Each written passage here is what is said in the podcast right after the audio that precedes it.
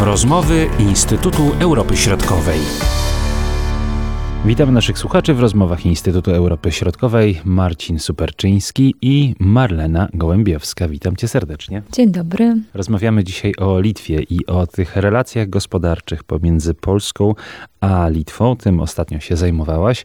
No i co możemy powiedzieć właśnie o tych e, relacjach? Kim dla siebie nawzajem jesteśmy. Zacznijmy może od tego, dlaczego w ogóle zajęłam się tym tematem, bo zarówno w życiu prywatnym, jak i analitycznym e, do pewnych przemyśleń skłaniają nas wielkie rocznice. I taka rocznica czeka nas w tym roku. E, będzie to 30. rocznica traktatu o przyjaznych stosunkach i dobrosąsiedzkiej współpracy między Rzeczpospolitą Polską a Republiką Litewską.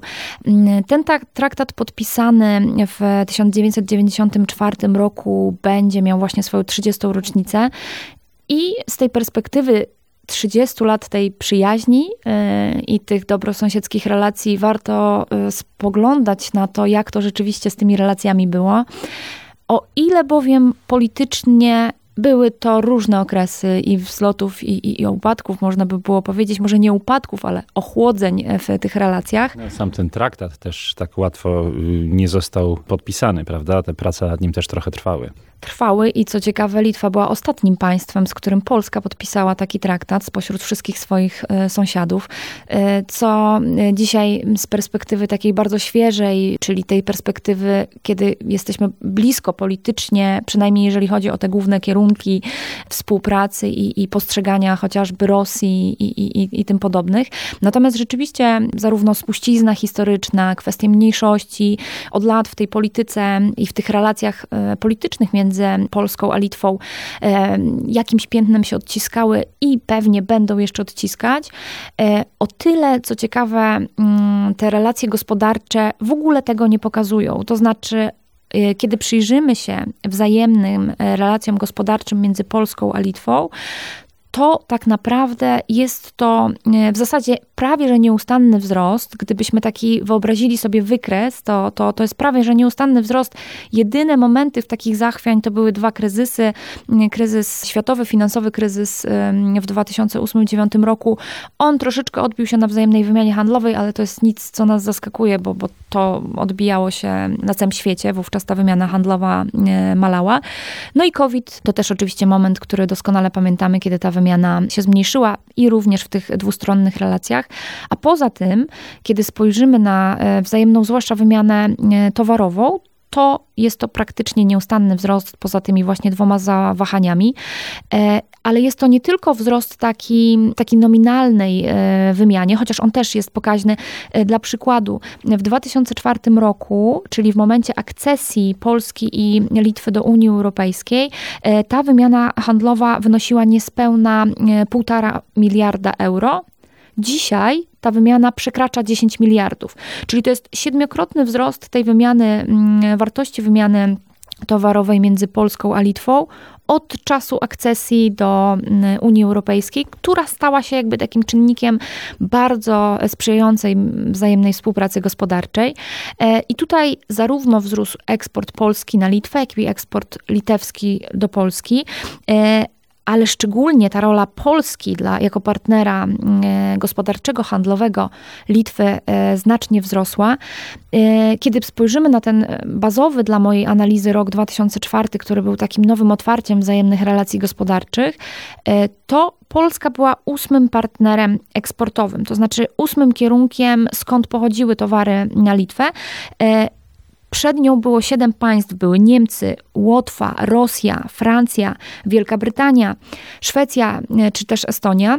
Natomiast dzisiaj Polska jest drugim partnerem e, eksportowym po Łotwie, czyli wyprzedziliśmy całe mnóstwo państw w, wśród kierunków pochodzenia e, właśnie e, eksportu. Natomiast e, jeżeli chodzi o import, tutaj jest jeszcze ciekawiej, bo w 2004 roku Polska już była bardzo ważnym partnerem importowym, ale trzecim po dwóch wielkich gospodarkach Rosji i Niemczech a dzisiaj jesteśmy numerem jeden, to znaczy najwięcej towarów Litwa importuje właśnie z Polski.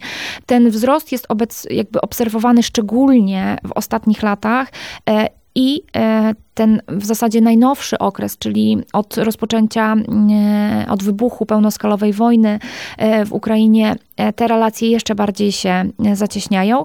Mówiliśmy tutaj o handlu, który jest jakby głównym takim, kiedy mówimy o relacjach gospodarczych, to to jest bardzo, bardzo ważny element, ale są też inwestycje i tutaj też Polska jest bardzo ważnym inwestorem.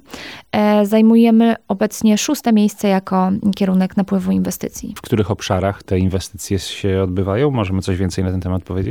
No oczywiście, jeśli tak spojrzymy na ten cały okres od początku właśnie akcesji do Unii Europejskiej do dziś, no to największa inwestycja, taka sztandarowa inwestycja, prawda, e, Polski e, na Litwie to oczywiście zakup rafinerii w Morzejkach w 2006 roku, e, ale Orlen nie jest też jedyną firmą, która tam inwestuje, bo tych firm obecnych jest na rynku litewskim, polskich bardzo dużo, żeby chociaż e, wskazać kilka, to z tych takich dużych graczy PZU jest tam obecne, e, Telefonika, e, kable, Intercars, sporo, sporo. Warta Glass jest też takim dużym inwestorem, ale co ciekawe, nie tylko polski kapitał pojawia się na Litwie, ale także litewski w Polsce i takim chyba świeżym dość przykładem jest ten zakup przez grupę Maxima Emperi Holding, czyli tej firmy, która jest właścicielem sieci supermarketów stokrotka, e, więc ten kapitał e, też e, obserwujemy te przepływy kapitału między sobą. I towarów, bo czasami jak odwiedzamy tę sieć, to sporo produktów litewskich tam można odnaleźć. Tak i co ciekawe, litewski chleb, który bardzo rzadko można, zwłaszcza na Lubelszczyźnie, nie ma, nie ma jakiegoś takiego dobrego dostępu, natomiast na, w sklepach w sieci Stokrotka czarny litewski chleb można kupić. Jak widzisz przyszłość tych relacji gospodarczych? Czy tutaj mogą nas zaskoczyć jakieś bariery, czy przede wszystkim e, wojna, która toczy się na Ukrainie, może być tutaj w pewnym momencie jakimś ograniczeniem, czy to odbywa się jakby troszeczkę z boku? E, wydaje mi się, że e, na ten moment nigdy nie lubię tego sformułowania, że wojna sprzyja czemuś, bo to jest zawsze trudne, żeby tak to określać, ale w przypadku polsko-litewskich relacji, e, zarówno na tym politycznym e, poziomie, jak i gospodarczym, z uwagi na sankcje nakładane na Rosję, no, Pols i dla Polski, i dla Litwy, e, bądź co bądź, przed agresją rosyjską na Ukrainie, Rosja była istotnym kierunkiem współpracy gospodarczej wciąż, więc to, że odcinamy ten rynek, powoduje, że szukamy mamy alternatywy, no i, i wśród y, zarówno y, wśród przedsiębiorców w Polsce, ale jak i przedsiębiorców na Litwie spoglądamy na siebie też przychylniejszym okiem, więc wydaje mi się, że y, te relacje będą kształtować się dobrze. Nic nie wskazuje na to, żeby w jakiś sposób się załamały. Co więcej, można odnieść wrażenie, że w ostatnich latach pola współpracy e, w zasadzie się tylko powiększają. E, dobrym przykładem, e, który jakby obrazuje to, jak, na jakich polach ta współpraca się odbywa, są chociażby nagrody, które są przyznawane z inicjatywy Ambasady Rzeczpospolitej Polskiej w Wilnie przedsiębiorcom zarówno litewskim, jak i polskim, którzy przyczyniają się do współpracy, które aktywnie działają na obu rynkach. E, I te nagrody są rozdawane podczas gali Polish Business Awards e, i w tym roku, e, w, w 2023, bo wtedy odbyła się ostatnia gala w grudniu, jak Chciałabym przytoczyć kilka przykładów firm, które otrzymały takie, taką nagrodę, bo to pokazuje, na jakich polach e, te współprace się otwierają. E, w tym roku było, mm, te nagrody były przyznawane w różnych kategoriach e, i przykładowo w kategorii transport otrzymało PKP Intercity i LTG Link za wznowienie połączenia kolejowego Warszawa-Wilno. Jako ciekawostka, bo to też jakaś forma współpracy gospodarczej, turystyka, turystyka nią jest. 35 e, tysięcy e, pasażerów zostało obsłużonych w samym tylko 2023 roku na tej linii, więc, więc zainteresowanie jest. E, więc tutaj chociażby transport.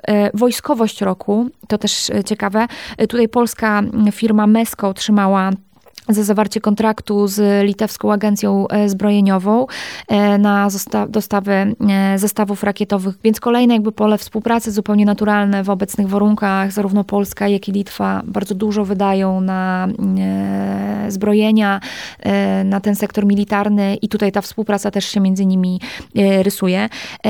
Jeśli chodzi o er- energetykę, to na przykład firma Green Genius otrzymała, mm, e, litewska firma za rozwój projektów fotowoltaicznych w, w Polsce e, i w samym tylko 2023 roku 66 elektrowni właśnie ta firma e, zbudowała w, w Polsce. To, czyli kolejny element energetyka, ale też zielone technologie, bo taka kategoria też była zielona gospodarka, tutaj też nagrody zostały wręczone, ale też nowoczesne technologie. Tutaj firma e, Mera System e, za wygranie przetargu na nowoczesne biletomaty e, dla stacji kolejowych na Litwie. Ten, te, te nagrody pokazują, jak wiele jest płaszczyzn, w których możemy współpracować, tak? Zarówno dalsze rozwijanie sieci transportowych, Mamy Via Baltikę. Oczywiście, tak. Mnóstwo jest takich projektów, które trwają i, i, i, i, i, i, pobudzają tą współpracę. E, I ponadto otwierają się jakby nowe, nowe elementy, nowe ścieżki e, współpracy, które są wynikiem czasami pewnych przewag, które mamy, bo w niektórych aspektach, aspektach polska gospodarka, oczywiście 10 razy większa niż litewska, z y, dużo większym potencjałem kapitału, stąd też y, y, dla Litwy Polska jest tak ważnym partnerem, ale też wiele rozwiązań i wiele tych nagród nawet pokazuje, że to nie jest też tak, że to jest współpraca jednostronna, że tylko jakby Litwa korzysta z y, naszej y, tutaj, naszego rynku i, i, i z niego czerpie. My też z niego korzystamy, też ten kapitał tutaj napływa i też te relacje, y, też może jakby dużo czerpiemy z tych relacji polsko-litewskich. No i można powiedzieć, że na żywo możemy obserwować, bo tutaj mam na myśli ten portal multimedialny ustawiony w Lublinie, że z jednej strony widzimy to, co dzieje się przed dworcem kolejowym w Wilnie i z kolei mieszkańcy Wilna albo turyści mogą obserwować, co się dzieje w Lublinie. To taki mały, sympatyczny dodatek, który też o czymś świadczy. Oczywiście y, i mam wrażenie, że właśnie jakby puentując to pytanie o, o przyszłości, myślę, że mm, Polska i Litwa y, pomimo tej trudnej spuścizny historycznej, pomimo wielu wciąż y, w tych politycznych aspektach mm, y, potknięć albo może pewnych napięć, które się po- pojawiają, no przede wszystkim właśnie związanych z y, mniejszością polską na Litwie, na ten moment nic nie wskazuje, żeby, żeby ta gospodarcza, te gospodarcze relacje w jakiś sposób miały na tym cierpieć, a nawet mam wrażenie, że pewne tematy zepchnęliśmy, odłożyliśmy. Zresztą tak jak i w przypadku e, naszych sąsiadów Ukraińców, też pewne tematy odkładamy na ten moment, bo są ważniejsze sprawy, ważniejsze cele, przed którymi teraz stoimy, stoimy i e, potrzebujemy siebie nawzajem, żeby w, do tych e, wspólne, te wspólne cele realizować. Bardzo Ci dziękuję za tę tematykę. Do usłyszenia, do zobaczenia. Bardzo dziękuję. Były to rozmowy Instytutu Europy Środkowej.